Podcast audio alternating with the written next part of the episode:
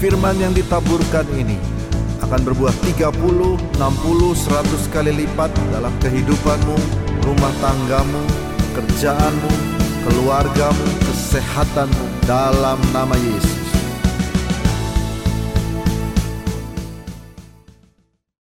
Hallelujah. God is good and all the time. Haleluya, saya bersyukur kepada Tuhan dan terima kasih banyak kepada Bapak Gembala, Pak Albert, Ibu Intan yang memberikan kesempatan buat saya untuk melayani firman Tuhan pada hari ini. Bapak, Ibu dan Saudara sekalian ini sebetulnya nggak ada rencana untuk saya mampir di jantung. ya, eh, tugas saya ada di kota, saudara-saudaraku. Tetapi seperti biasa kalau saya transit di Jakarta, saudaraku, kalau saya tidak lapor sama wali kotanya Jakarta ya kebangetan. Makanya telepon Pak Albert gitu. Saya ada di Jakarta baru balik dari Holy Land Ministry begitu 15 hari transit karena besok kami akan pergi ke Taiwan. Nah kami pulang dari Holy Land. Beliau langsung bilang Pak JCC sudah ada tiga kali kebaktian. Masih kemburu jam satu saudara-saudaraku. Karena terakhir saya ke sini saudara baru punya dua kebaktian. Sekarang sudah tiga kali kebaktian. Ini bukti Tuhan cinta gereja ini. Tuhan sayang sama semua saudara. Amin. Haleluya. Sebelum saya mulai berkhotbah selama saya datang ke Cijantung, haleluya Pak Albert dari uh, di bawah dari hanya gedek ya, hanya dari kayu sampai jadi.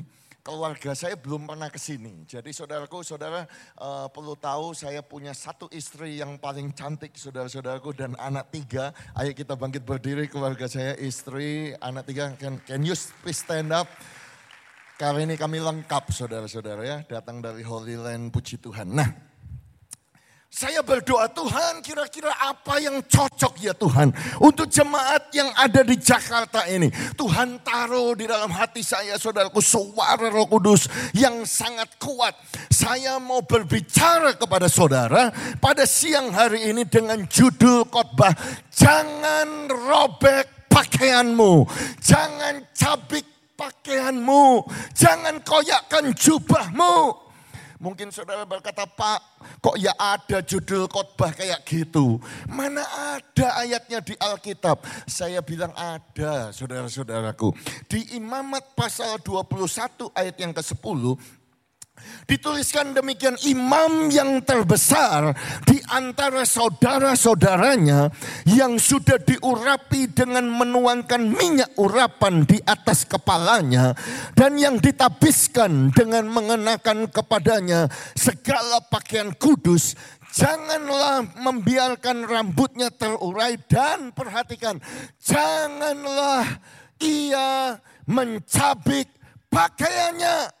Jadi ternyata di dalam perjanjian lama sudah ditulis di dalam Taurat Musa. Kalau engkau seorang imam, engkau diurapi dengan minyak urapan yang kudus. Engkau sudah dipakaikan pakaian-pakaian yang kudus. Dikatakan ada satu peraturan, jangan cabik pakaianmu.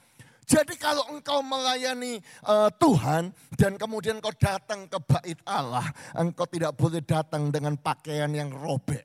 Kalau engkau datang dengan pakaian yang robek, engkau akan mati saudaraku. Duh, tapi Pak itu kan perjanjian lama Pak. Kita kan ada di dalam perjanjian baru Pak. Dan saya juga bukan imam. Siapa bilang saudara bukan imam, saudara-saudaraku? Coba saya tanya di jemaat JCC Jantung, berapa banyak di antara saudara yang sudah lahir baru, terima Yesus Kristus Tuhan sebagai Tuhan dan Juru Selamat, dibasuh oleh darah Yesus, dibaptiskan di dalam air, diurapi dan dipenuhi dengan kuasa roh kudus. Angkat tangan saudara, amin. Siapa yang sudah? Amin. Loh, banyak yang angkat tangan. Saudara yang angkat tangan berarti saudara juga disebut imam. Bukankah 1 Petrus 2 ayat 9 berkata, kamulah bangsa yang terpilih. Kamulah apa? Imamat. Ya toh, kamulah rajani. Kamulah bangsa yang kudus. Kamulah umat kepunyaan Allah. Jadi saudara dan saya termasuk imam. Kita diurapi dengan urapan kudus, kita dibenarkan dengan darah Kristus Yesus. Oh tapi Pak, saya sudah ke gereja kecil jantung hari ini saya nggak pakai pakaian robek Pak. Betul saudara-saudaraku. Tetapi yang saya maksudkan bukan saja jasmaninya yang robek saudaraku. Tetapi secara rohani.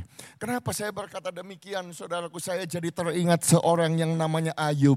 Ayub adalah seorang yang sangat cinta Tuhan. Seorang yang mengasihi Tuhan dengan segenap hati, segenap jiwa, segenap akal budinya. Dia tidak akan pernah berpikir, dia tidak akan pernah mimpi Bapak Ibu dan Saudara sekalian bahwa satu ketika dalam hidupnya dia akan melihat satu tragedi. Dia akan melihat satu mara bahaya. Saudara bisa bayangkan saudaraku, tiba-tiba datang pegawainya yang pertama, Pak Ayub, Pak Ayub, Pak Ayub. Oh sedang lembu sapi sedang membajak. Keledai-keledai betina makan rumput di sebelahnya. Datang itu musuh, orang-orang Sheba. Mereka menyerang, mereka merampas, memukul penjaga-penjaga dengan mata pedang. Semuanya mati Pak Ayub. Hanya aku saja yang luput dan selamat. Jadi aku bisa menyampaikan, memberitahukan laporan ini kepada Pak Ayub. Belum dia selesai berbicara saudaraku. Datang pesuruhnya yang kedua Pak Ayub. Pak Ayub kawat, kawat. Kenapa? Api itu Pak Ayub turun menyambar dari langit. Membakar serta memakan habis kambing domba dan penjaga-penjaga semuanya mati Pak Ayub. Tinggal aku seorang diri saja yang selamat. Jadi aku bisa kasih laporan kepada Pak Ayub. Belum dia selesai berbicara datang pegawainya yang ketiga berkata Pak Ayub, Pak Ayub. Oh itu loh Pak Ayub orang Kasdim datang. Bukan satu pasukan, tiga pasukan. Menyerbu unta-unta, merampasnya dan memukul penjaganya dengan mata pedang. Semuanya mati Pak Ayub. Hanya aku yang luput. Sehingga aku bisa cerita kepada Pak Ayub. Belum selesai dia berbicara saudara-saudaraku. Datang orang yang keempat. Pak Ayub.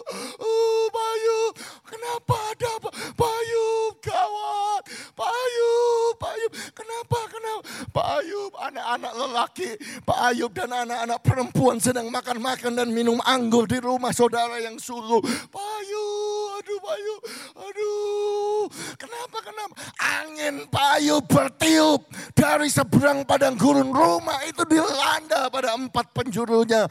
Roboh menimpa anak-anak muda semuanya mati Pak Ayub. Semuanya mati. Cuma aku yang luput sehingga aku bisa memberitahukan hal ini kepada Pak Ayub. Saudara bisa bayangkan Ayub saudaraku tidak akan terbersit setitik pun dalam pikirannya. Dia akan mengalami satu tragedi. Dalam satu hari dia kehilangan tujuh anak laki-laki dan tiga anak perempuan. Semua sepuluh-sepuluhnya mati. Saudara bisa bayangkan kurang dari 24 jam. Dia kehilangan tujuh ribu ekor kambing domba. Tiga, rat, tiga ribu ekor unta. 500 pasang lembu, 500 keledai betina. Dan budak-budak dalam jumlah yang besar habis seketika saudara-saudaraku. Saudara bisa bayangkan Ayub yang adalah orang yang paling kaya dari semua orang di sebelah timur. Tiba-tiba jadi orang yang paling miskin di sebelah timur. Oh ketika itu terjadi Alkitab berkata maka berdirilah Ayub. Lalu Ayub mengoyakkan jubahnya. Di depan ini ada pakaian saya bawa saudaraku baru dari Holy Land. Saudara, saudara bisa bayangkan Pak Ayub saudaraku. Dikatakan dia bangkit. Dan kemudian dia apa saudara-saudaraku merobek pakaiannya. Saudara bisa bayangkan hatiku hancur. Kayak pakaian ini Robek, anakku, aku besarkan kau, kenapa engkau mati mendahului papa?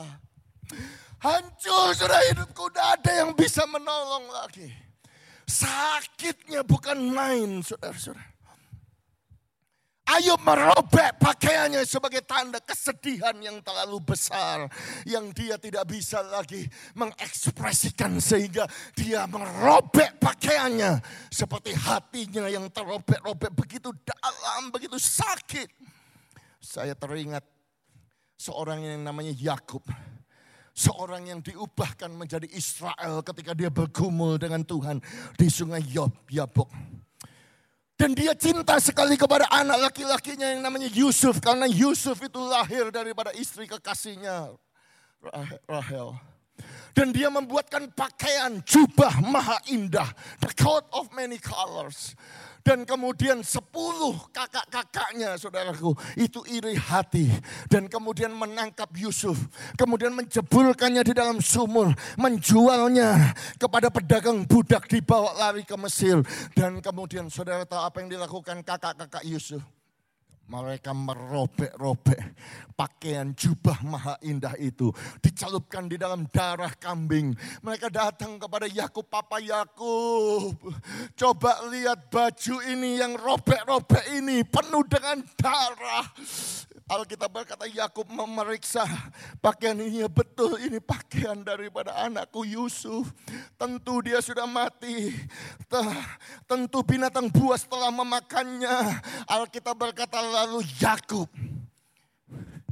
mengoyakkan jubahnya, merobek pakaiannya.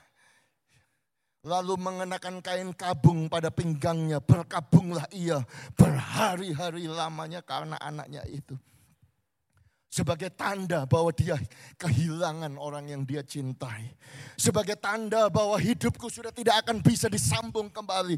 Sudah robek, hancur. Aku tidak akan pernah bisa pulih dari penderitaan ini. Ini betul-betul berita yang buruk. Bagaimana aku bisa tersenyum kembali, bagaimana aku bisa berbahagia kembali. Hancur. Saya teringat saudaraku. Seseorang namanya Joshua bin Nun dan Kaleb bin Yefune. Dua pemimpin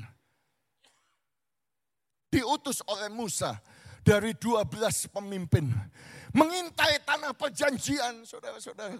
Mereka pulang dari tanah perjanjian, oh membawa buah delima yang besar-besar sampai hari ini. Pak Albert kami baru datang dari Israel. Begitu tiba di Jericho, lihat banyak delima, satu rombongan semuanya minum jus delima. Oh, berlimpah susu dan madu. Mereka membawa buah ara, mereka membawa buah anggur, mereka pulang, mereka berkata, bersama dengan Tuhan kita akan masuk ke tanah perjanjian. Sayangnya 10 pemimpin setelah 40 hari mengintai ngomong gak mungkin. Gak bisa. Kita ini cuma belalang lawan raksasa. Raksasa itu makan kita. Joshua dan Caleb berkata jangan takut. Jangan khawatir. Bersama dengan Tuhan kita akan kalahkan mereka. Sayangnya dua setengah juta orang Israel lebih percaya kepada yang sepuluh. Daripada Joshua dan Caleb. Bukan hanya itu aja Alkitab berkata, mereka semua ambil batu saudara-saudaraku. Dan mereka mau melempari, melempari Joshua dan Caleb saudaraku dengan batu. Akhirnya Tuhan marah. Tuhan marah, Tuhan berkata karena engkau 40 hari mengintai kamu tak hukum. 40 tahun satu hari untuk satu tahun. Mereka tidak bisa masuk tanah perjanjian. Alkitab berkata Joshua bin Nun dan Caleb bin Yefune. Yang termasuk orang-orang yang telah mengintai negeri itu. Dikatakan apa saudara-saudaraku? Joshua dan Caleb mengoyakkan pakaiannya. Kenapa saudara-saudaraku? Karena Joshua dan Caleb Tuhan, bukan aku yang salah loh Tuhan. Kan mereka yang berdosa. Kenapa aku kena hukuman? Kan yang salah mereka. Biar engkau urapi aku dengan Kaleb saja yang masuk keluarga aku. Kenapa aku harus dihukum? 40 tahun. Umur berapa aku masuk tanah perjanjian? Aku kehilangan 40 tahun. Putar-putar di padang gurun merobek pakaian sebagai tanda kehilangan suatu kesempatan. Sebagai tanda desperate, putus asa. Aku tidak salah tapi aku juga ikut putar-putar di padang gurun 40 tahun lamanya. Saya teringat seorang raja Israel. Pada saat dikepung oleh Raja Ben Hadab, saudaraku Raja Aram. Alkitab berkata terjadi kelaparan yang hebat. Maksudnya apa kelaparan yang hebat itu? Dikatakan saudaraku sebuah kepala keledai berharga 80 sikal perak. Siapa yang mau makan kepala keledai, saudaraku yang sudah kepotong, yang sudah busuk. Oh, gak ada yang mau, saudara-saudara. Dikatakan apa seperempat kap tai merpati berharga lima sikal perak. Siapa yang mau makan tainya burung, saudara-saudara? Itu pun mahal. Kelaparan hebat. Oh, kemudian datang dua seorang wanita kepada raja-raja, tolong dong raja, tolong. Ini loh temanku perempuan. Kita padahal sahabat yang baik. Sekolah sama-sama. Dia ngomong sama aku, ngajak aku. Kita lapar sekarang. Kamu punya anak laki-laki, aku punya anak laki-laki. Oke, hari ini kita potong anak laki-lakimu. Kita masak dia. Kita makan supaya kita nggak lapar. Nanti besok gantian aku yang yang memberikan anak laki-laki. Raja tolong, raja tolong. Kemarin anakku sudah tak sembeli. Sudah aku masak. Kasih dia makan. Sekarang gilirannya dia. Dia nggak kasih kita. Anaknya disembunyikan. Raja tolong. Alkitab berkata raja itu ketika mendengar tragedi. Sampai seperti itu Alkitab berkata apa? Kemudian raja Israel itu dikoyakkan pakaiannya. Dia merobek pakaiannya. Sudah gak mungkin ini bisa. Kita sudah terlalu jatuh, terlalu dalam. Sampai kita makan anak-anak kita sendiri. Siapa yang bisa nolong Tuhan aja tidak bisa menolong merobek pakaiannya. Raja itu saudaraku berjalan di atas tembok kelihatan kepada orang-orang banyak. Bahwa ia memakai kain kabung pada kulit tubuhnya. Sebagai tanda tidak ada lagi harapan. Tidak ada lagi solusi, tidak ada lagi jalan keluar. Oh penderitaan ini begitu besar. Oh tidak ada masa depan, tidak ada yang bisa menolong saya. Sudah tidak mungkin dipulihkan, tidak mungkin disembuhkan, tidak mungkin ditolong. Dia merobek pakaiannya. Saya teringat seorang raja yang sangat terkenal namanya Daud. Sampai hari ini bintang Daud. Mereka memakai simbol itu untuk negara Israel. Saudaraku Daud punya dua anak laki-laki, punya beberapa anak. Waktu dia mendengar saudaraku, karena anak perempuannya Tamar, saudara-saudaraku, adik daripada Absalom diperkosa oleh Amnon. Kakak daripada Tamar, Absalom marah menaruh dendam. Sehingga satu ketika Absalom membunuh Amnon dan kemudian lari. Dan mereka memberitahu berita itu kepada raja ketika raja mendengar itu. Alkitab berkata Daud bangun. Dikatakan dikoyakkanlah pakaiannya. Bukan saja Daud, saudara-saudaraku dikatakan apa? Semua pegawainya yang hadir padanya mengoyakkan pakaiannya. Berbaring di lantai. Sebagai tanda Tuhan, kok bisa Tuhan? Sakit hatiku Tuhan. Anakku bunuh-bunuhan. Keluargaku hancur. Dia tidak akan pernah membayangkan bahwa itu bisa terjadi. Ini sudah tidak mungkin bisa diselesaikan. Sudah mati. Tidak mungkin dipulihkan. Jemaat JCC yang saya kasihi. Saya datang pada hari ini saudaraku. Saya berkata bahwa hati-hati, saya percaya bahwa di dalam Kristus Yesus kita punya masa depan yang baik. Seribu persen saya percaya. Tetapi saudaraku adalah satu Injil yang palsu yang berkata kalau engkau ikut Yesus engkau akan mempan, engkau akan diperkecualikan dari suatu tragedi. Engkau tidak akan mengalami yang namanya pencobaan, tidak akan pernah punya masalah, tidak akan pernah mengalami yang namanya kegagalan. Engkau dibedakan, betul saya percaya. Tapi kadang-kadang saudaraku tragedi itu bisa terjadi. Kenapa saya berkata demikian? Karena Bapak kita yang di sorga, dia menciptakan matahari buat orang yang jahat dengan orang yang baik. Hujan itu turun untuk orang yang benar maupun orang yang tidak benar benar. Jadi walaupun kau benar atau tidak benar, engkau bisa mengalami peristiwa yang sama. Itu maksudnya. Tuhan Yesus memberikan perumpamaan. Seperti kita membangun satu rumah. Pasti bisa turun hujan, bisa datang banjir, bisa datang angin. Tetapi yang saya mau mengingatkan kepada saudara di Jakarta ini. Kita harus berbeda dengan orang dunia. Karena orang dunia ketika mereka mengalami tragedi itu, mereka merobek pakaian mereka sebagai tanda mereka desperate, sebagai tanda mereka berkata aku sudah tidak mungkin diselamatkan, tidak mungkin ada pertolongan, tidak mungkin lagi hati mereka nangis, hati mereka robek berkeping-keping. Sehingga mereka pergi ke narkoba, mereka pergi ke alkohol, minum-minuman, mereka pergi party, seks bebas. Mereka mulai saudaraku ke diskotik sampai larut malam. Karena apa? Hati mereka hancur, mereka menangis. Itu sebabnya banyak yang jatuh dalam stres, banyak yang jatuh dalam depresi, frustrasi, kesepian, akhirnya bunuh diri. Tetapi hari ini Tuhan bawa saya dari negara yang jauh ke Jakarta untuk mengingatkan JCC Cijantung. Saya nggak tahu persoalan apa yang kau alami di tahun 2023. Mungkin persoalan itu masih ada di tahun 2024. Apa pun masalahmu, jangan robek pakaianmu. Jangan putus asa, jangan menyerah. Saudara dan saya masih punya pengharapan dalam nama Yesus Kristus Tuhan. Oh haleluya. Kalau saudara percaya tepuk tangan yang meriah bagi Tuhan kita. Bukankah Yesus pernah berkata, in this world you shall face tribulation. Di dalam dunia ini engkau bisa mengalami yang namanya penganiayaan. Tetapi kuatkanlah hatimu. Aku telah mengalahkan dunia. Be strong and be courage. I have overcome the world. Jangan putus asa. Kalau saya bisa mengutip apa yang Rasul Paulus berkata, Paulus berkata demikian, aku lebih banyak berjeli lelah. Lebih sering dalam penjara, didera di luar batas.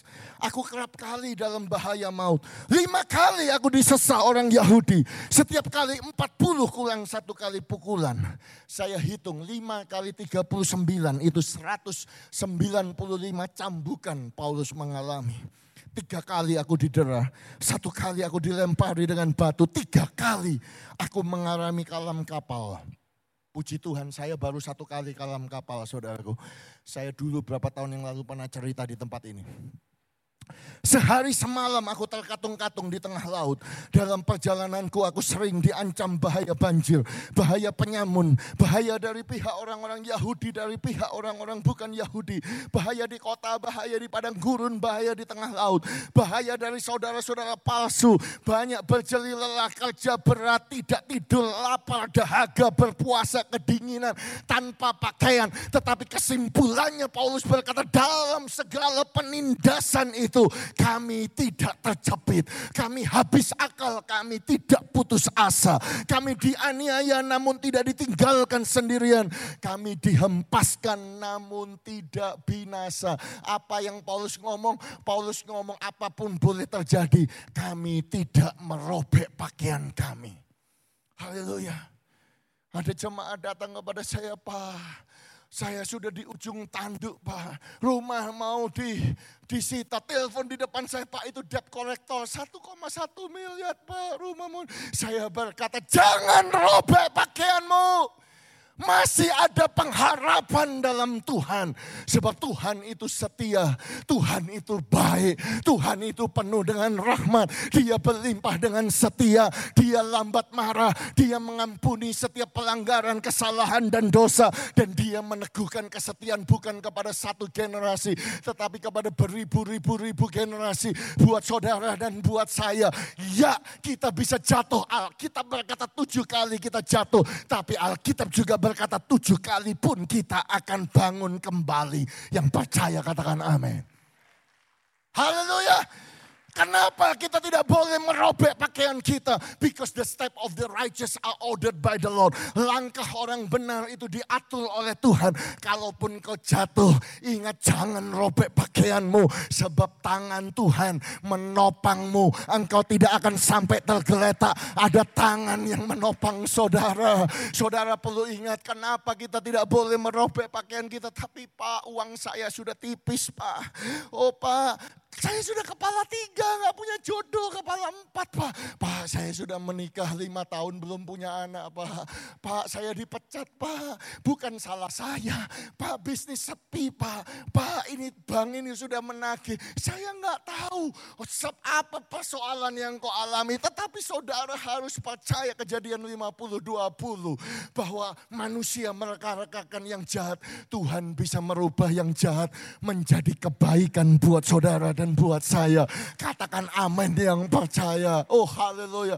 Tetapi Pak saya sakit Pak. Dokter berkata nggak punya harapan. Pak saya terima laporan MRI. Ada tumor Pak, ada kanker Pak. Saya mau sampaikan kepada saudara. Jangan robek pakaianmu. Percayalah Roma 8:28 bahwa Tuhan kita itu tidak pernah tidur.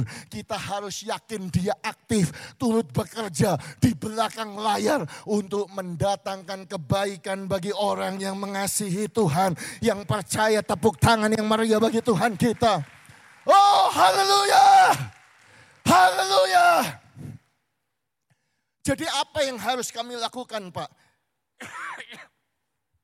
Bertahanlah dalam pengharapan.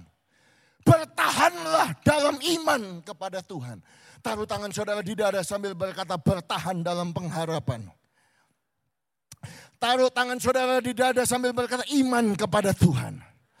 Ayo semuanya lebih kuat taruh tangan di dada sambil berkata jangan robek pakaianmu. Oh haleluya. Kalau saya mau jelaskan, saya kasih saudara cerita boleh ya supaya gampang diingat. Saya mau memperkenalkan kepada saudara seorang yang namanya Kurt Paul Richard, saudaraku. Dia adalah seorang biologis, psikologis, dan genetisis ahli biologi, ahli psikologi, dan ahli genetika. Dia adalah profesor di John Hopkins University.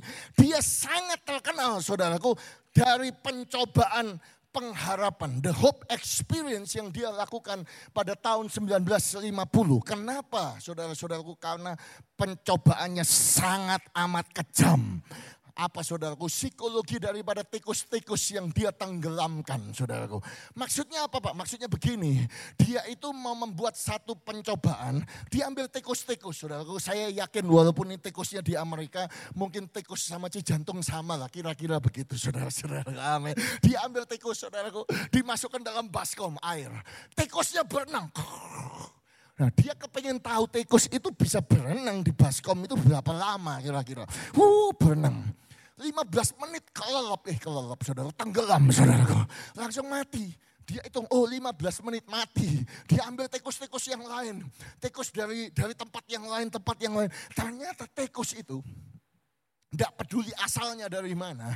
Tidak peduli umurnya berapa. Tidak peduli tikusnya kurus atau gemuk saudaraku. Itu cuma bisa berenang 15 menit. Habis 15 menit mati tenggelam saudara-saudara. Oh jadi dia tahu 15 menit mati. Sudah banyak tikus-tikus yang mati saudara-saudara. Kemudian dia juga ambil tikus saudara-saudara. Tikus-tikus yang lain. Dia masukkan dalam air. Berenang tikusnya. Ketika tikusnya ini berenang saudara-saudaraku, dia tahu hampir 15 menit mati. Begitu sudah hampir tenggelam saudaraku diselamatkan sama ditolong. Cih, ditolong diangkat. Dikasih hair dryer supaya hangat sudah kasih selimut, kasih makan keju. Tikusnya seger. Oh, tikusnya sudah seneng, udah bisa jalan-jalan, udah pulih saudara-saudaraku. Nah ini ke kekejaman beliau ini. Tikus yang sudah pulih yang pernah dia tolong ini dimasukkan kembali ke dalam air baskom yang sama tadi cembung boom saudara-saudara. Karena dia mau tahu berapa lama tikus ini bisa berenang saudara. Eh ternyata tikusnya itu ketika berenang saudaraku bisa satu jam lebih saudara. Uh, luar biasa.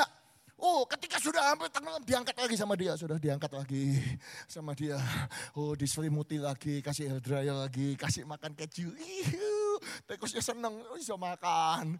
Oh, sudah sehat, udah pulih. Sama dia dimasukkan lagi ke dalam baskom yang sama, air yang sama.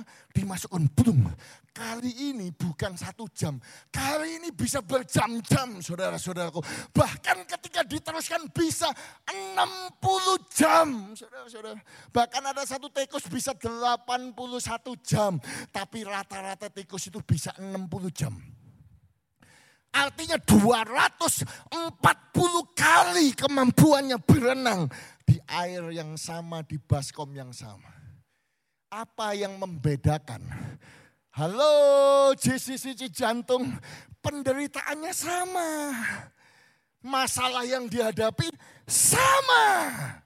Persoalan yang dihadapi sama. Tetapi kenapa kok kali ini dia bisa berenang lebih lama sampai 60 jam?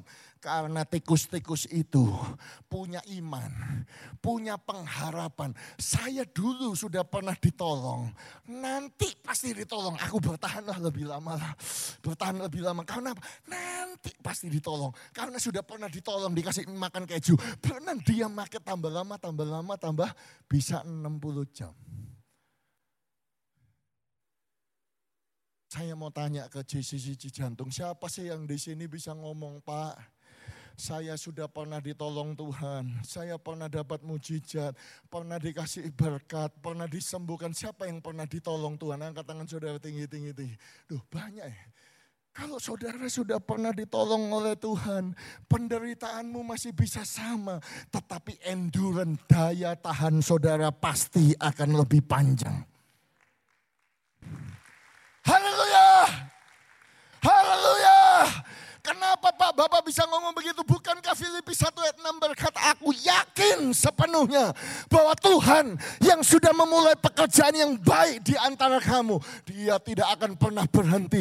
Dia akan terus melanjutkan pekerjaan baik itu sampai pada hari Kristus dinyatakan. Kalau Tuhan pernah tolong saudara dulu, Tuhan pasti bisa tolong saudara sekarang. Tuhan bisa tolong saudara di masa yang akan datang. Sebab Yesus tidak pernah berubah. Dahulu sekarang sampai selama-lamanya. Yang percaya katakan amin. Oh haleluya. Oh haleluya.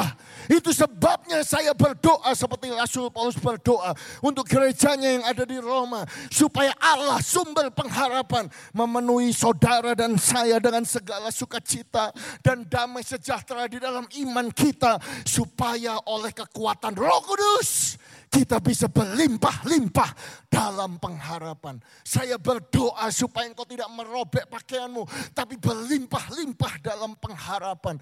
Sebab apa? Sebab juru selamat kita, Kristus Yesus, itulah dasar pengharapan kita. Paulus ngomong kepada Timotius dan dia berkata kepada gerejanya di Kolose bahwa ada rahasia yang tersembunyi dari abad ke abad, rahasia yang tersembunyi dari turunan ke turunan, rahasia yang begitu kaya yang begitu mulia yang ada di antara bangsa-bangsa. Apa rahasia itu? Kristus ada di tengah-tengah kamu. Kristus yang adalah pengharapan akan kemuliaan. Rahasia yang berabad-abad itu apa? Ternyata Kristus yang tinggal di dalam diri saudara dan saya. Itulah the hope of glory. Tepuk tangan yang meriah bagi Tuhan kita. Oh haleluya. Jangan putus asa. Jangan robek pakaianmu. Jelas ada peraturan itu. Sayangnya saudaraku, imam besar di zaman Yesus Kristus. Imam besar yang yang munafik, saudaraku, imam besar yang jahat.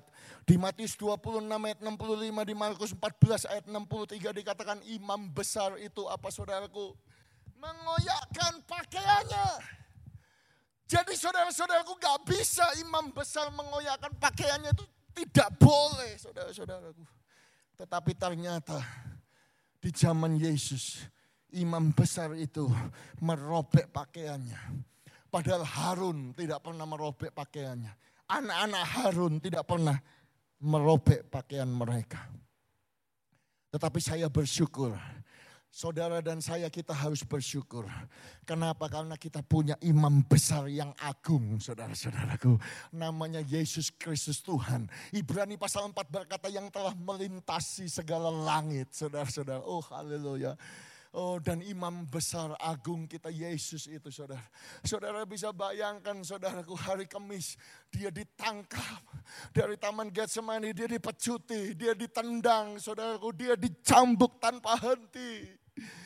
Saudaraku dia dihadapkan kepada Pontius Pilatus, dicambuk lagi, dipasangkan mahkota duri di atas kepalanya, darah saudaraku ber, berceceran di mukanya. Kemudian dia harus memakul, uh, memikul kayu salib.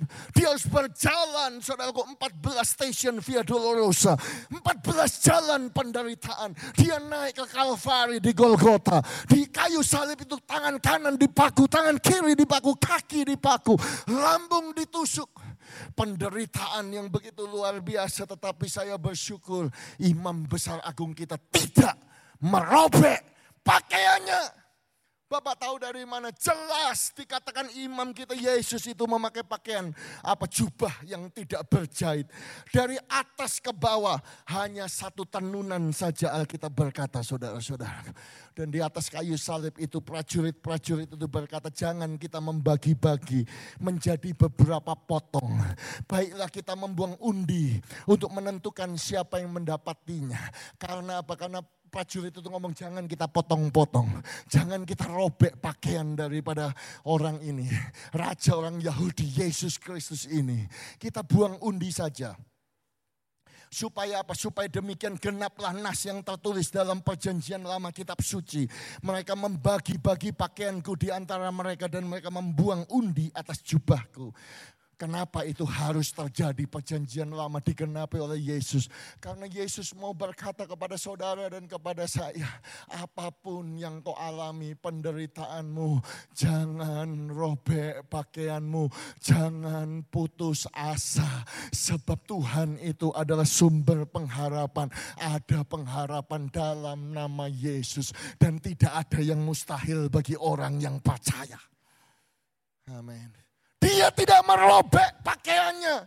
Tetapi saya mau sampaikan, ada yang dia robek. Apa Pak yang dia robek? Saudara-saudaraku pada saat dia mati di atas kayu salib. Dia merobek apa? Tertulis dalam Matius pasal 27, Markus pasal 15 dan Lukas pasal 23. Tabir bait Allah. Saudara-saudaraku tabir bait Allah ini, saudara-saudaraku, tingginya saudaraku adalah 30 kaki atau 9,14 meter. Ini tingginya berapa Pak Albert? 8, berarti ini lebih tinggi dari bait suci. Eh, ini lebih pendek daripada bait suci, saudaraku. Lebarnya, saudaraku, adalah 60 kaki, 18,28 meter. Dari ujung ke ujung berapa meter, Pak? 20 tujuh. Oh ini lebih lebar saudara. Sana cuma sekitar 18 meter. Saudara tahu tirai itu saudaraku tebalnya 25 cm. Ya. Josephus di abad yang ketiga Josephus Flavus menuliskan bahwa butuh 300 imam untuk menggantung tirai itu saudara-saudara. Ya. Dan ketika ada kuda, ditarik ke sebelah kanan dan kuda ditarik sebelah kiri, tirai itu, tirai itu tidak bisa robek ditarik oleh kuda, saudara-saudara. Tetapi saya mau katakan kepada saudara ketika imam besar kita mati di atas kayu salib. Alkitab berkata lihatlah tabir bait Allah itu robek dari atas sampai ke bawah. Terbuka supaya apa? Supaya saudara dan saya sekarang bisa langsung punya akses masuk ke dalam tahta kemuliaan Tuhan.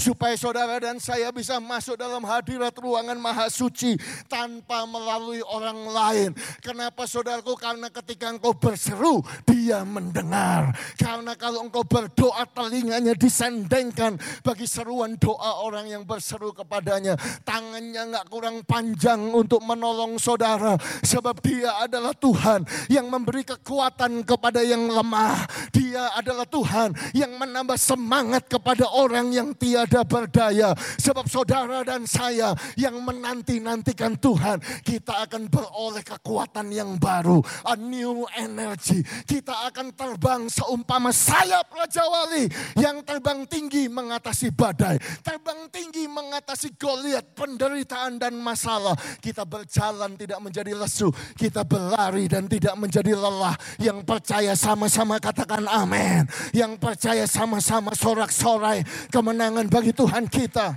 Haleluya. Oh haleluya. Sebagai penutup saya mau kenalkan saudara kepada salah satu teman yang baik. Teman saya saudaraku Agus Pancara saya biasanya panggil Pan-Pan, saudara-saudaraku. Dengan istrinya Ita Puspita. Anaknya adalah Erik dan Jessica Pratama. Ya, keluarga yang baik, keluarga yang cinta Tuhan, luar biasa. Pan-Pan itu saudaraku masuk gereja Betani di Manyal tahun 1993. Waktu itu saya sudah jadi ketua kaum muda. Jadi dia selalu ngomong koko, koko ini seperti kakak rohani. Ya, Ita masuk Betani Saudaraku tahun 1995 mereka menikah ketemu di gereja, menikah tahun 2000 dan tahun 2004. Mereka menyerahkan diri menjadi diaken dan diakonis gereja Betani Nginden. Ya, kalau saudara lihat Natal Nasional tanggal 27 Desember kemarin, Presiden Republik Indonesia Pak Jokowi dengan semua menteri Kapolri dan semuanya datang ke gereja kami, saudara-saudaraku, yaitu gereja Betani Nginden di mana pan-pan saya melayani Tuhan. Nah, Pan-pan itu cinta Tuhan dan dia satu ketika berkata demikian. Kok diakan gereja itu harus punya tiga ujian, tiga K ujian. Karakter, keluarga, dan keuangan. Harus punya yang namanya kinerja pelayanan, lima K. Harus punya kemauan, kehadiran, kemampuan, kepedulian, dan kesetiaan. Saya bilang, wow, luar biasa. 3K sama 5K.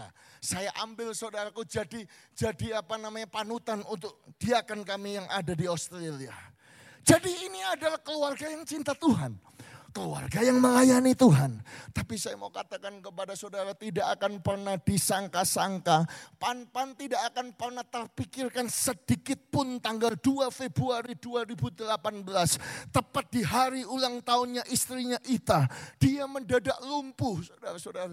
Dia berkata kok tiba-tiba pagi itu aku aku ngajar Tangan tidak bisa aku gerakkan, tidak bisa lagi pegang spidol.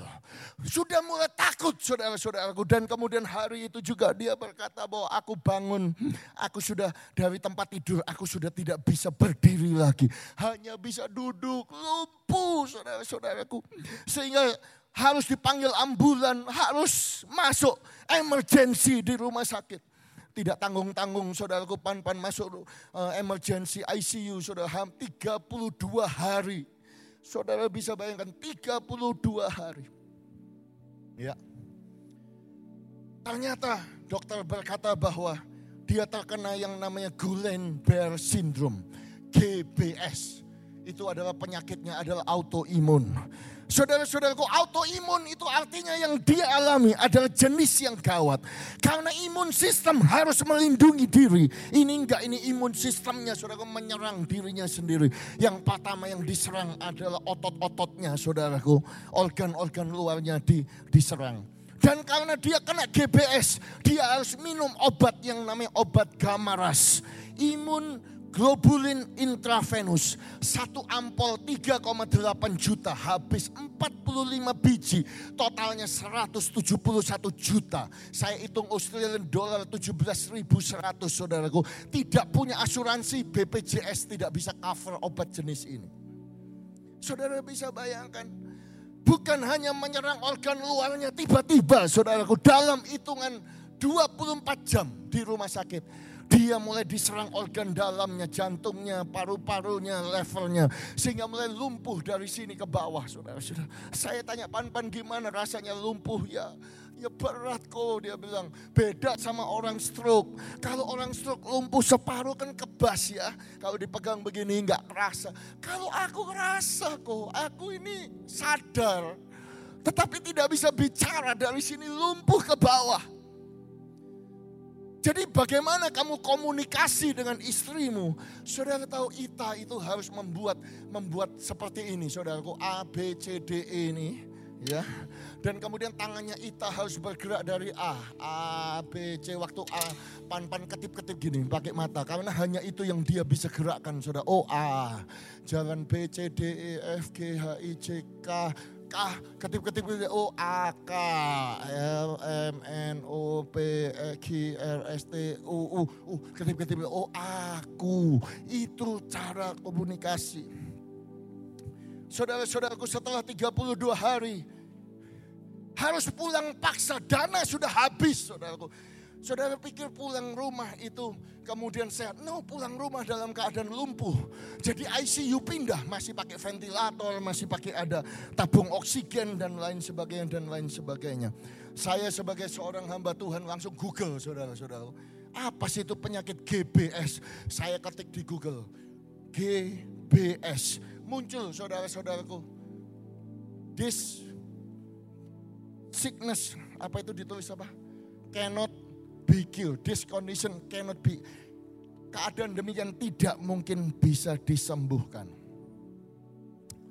Saudara-saudaraku, saudara bisa melihat video bagaimana dia belajar berbicara. Tetapi hari ini saya mau katakan kepada saudara. Apa yang dilakukan oleh Pan-Pan dengan Ita luar biasa. Kenapa saudara-saudaraku saya tidak akan pernah membayangkan Pan-Pan panggil anaknya di, di hari yang pertama. Ketika dia masih bisa berbicara dia berkata kepada anaknya. Nah kalau papa mati jangan salahkan Tuhan ya. Kamu tetap melayani di gereja, tetap ibadah, tetap cinta Tuhan. Anaknya mantu-mantu. Karena ini penyakit gawat, papa bisa mati sewaktu-waktu. Kemudian Ita berkata, kau jangan. Aku ini masih, aku gak gak bisa kamu tinggalkan. Anak-anak masih SMP. Siapa yang membiayai? Ayo percaya Tuhan harus punya iman. Pan-pan lihat istrinya dia mulai menangis. Oke mah aku juga percaya.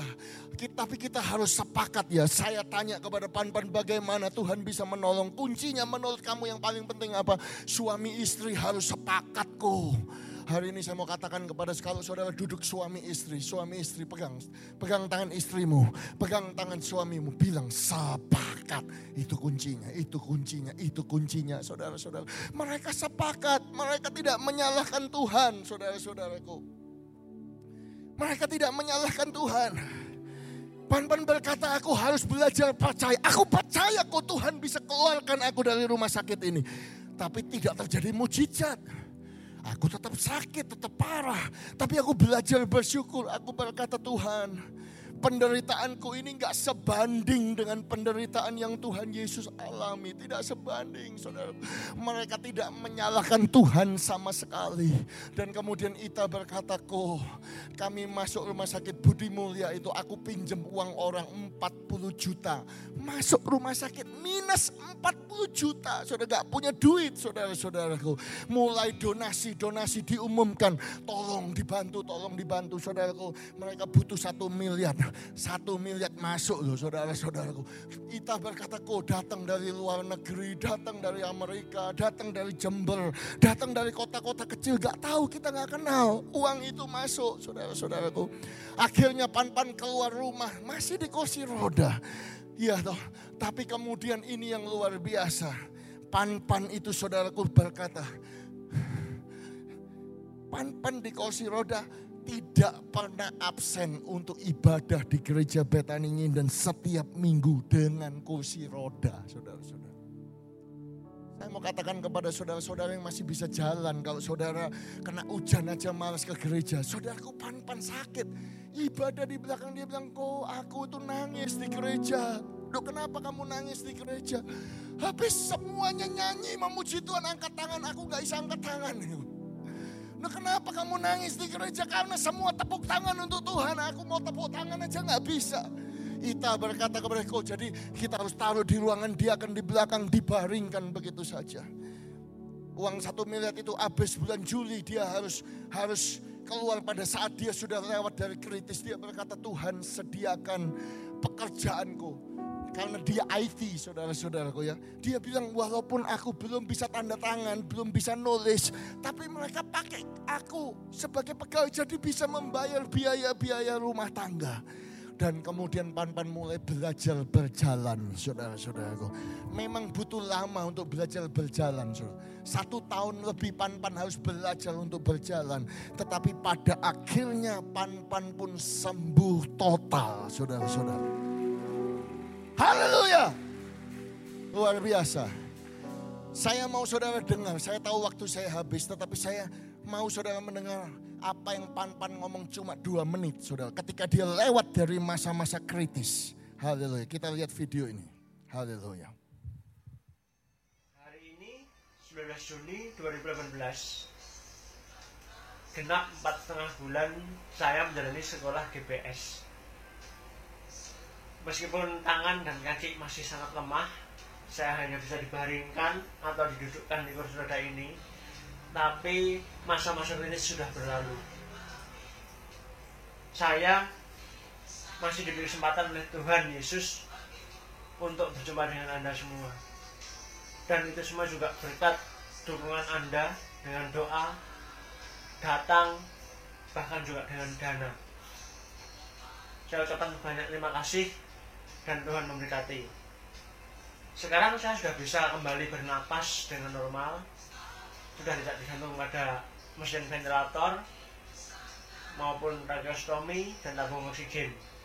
Juga saya sudah bisa menelan makanan dari mulut tidak lagi menggunakan selang sonde dari hidung. Saya juga sudah bisa berbicara dengan suara nyaring secara normal singkatnya semua organ dalam sudah berfungsi dengan normal. Mulai paru-paru, jantung, lambung dan semuanya. Ternyata hanya untuk bernapas menelan dan berbicara secara normal kita perlu mujizat dari Tuhan. Kita perlu Tuhan dan mujizatnya hanya untuk normal. Itu akan sangat terasa keajaiban Tuhan saat kita lemah dan tidak berdaya saat kita terbaring di ICU dalam kondisi tergeletak, lumpuh, dan hidup bergantung pada mesin. Saya mengajak Anda semua untuk merasakan mujizat Tuhan, bisa bernapas, bisa menelan, bisa berbicara dengan normal. Kita ucapkan terima kasih dan ucapan syukur pada Tuhan karena mujizat itu nyata setiap hari bagi kita. Amin. Oh haleluya. Bisa tepuk tangan yang lebih meriah buat Tuhan kita. Oh haleluya. Dan dan saudara tahu akhirnya dia dipublikasikan, dia sembuh total, dia satu mujizat di dalam kehidupan. Tetapi dia bilang begini sama saya, kok sebelum sakit Aku cuma punya satu pekerjaan saja dan melayani Tuhan. Setelah aku sakit dan setelah aku sembuh, sekarang aku dikasih empat jenis pekerjaan dan aku tetap melayani. Aku lebih diberkati hari ini sebelum aku sakit. Sesudah sakit aku lebih diberkati. Sekarang aku bisa sekolahkan anak Erik sekarang sekarang ada di Kaohsiung di Taiwan. Saudara-saudaraku lebih diberkati. Ketika saya mendengar tiga jam dia cerita sambil nangis saya saya pun ikut menangis saudaraku. Kenapa? Karena akan ada banyak orang berkata tidak mungkin. Karena akan ada dokter berkata sudah ada luarsa. Tidak ada jalan keluar. Orang lain bilang sudah tidak mungkin kamu diberkati. Sudah robek saja pakaianmu. Engkau nggak punya masa depan. Hari ini saya mau tekankan kepada saudara. Selalu ada masa depan yang indah dan baik dalam nama Yesus Kristus Tuhan. Kalau saudara percaya bangkit berdiri bersama-sama. Jangan robek pakaianmu. Masih ada mujizat. Masih ada pertolongan. Kuasa Tuhan ada di tempat ini. Mari kita tepuk tangan bagi Tuhan kita. Haleluya. Haleluya. Haleluya.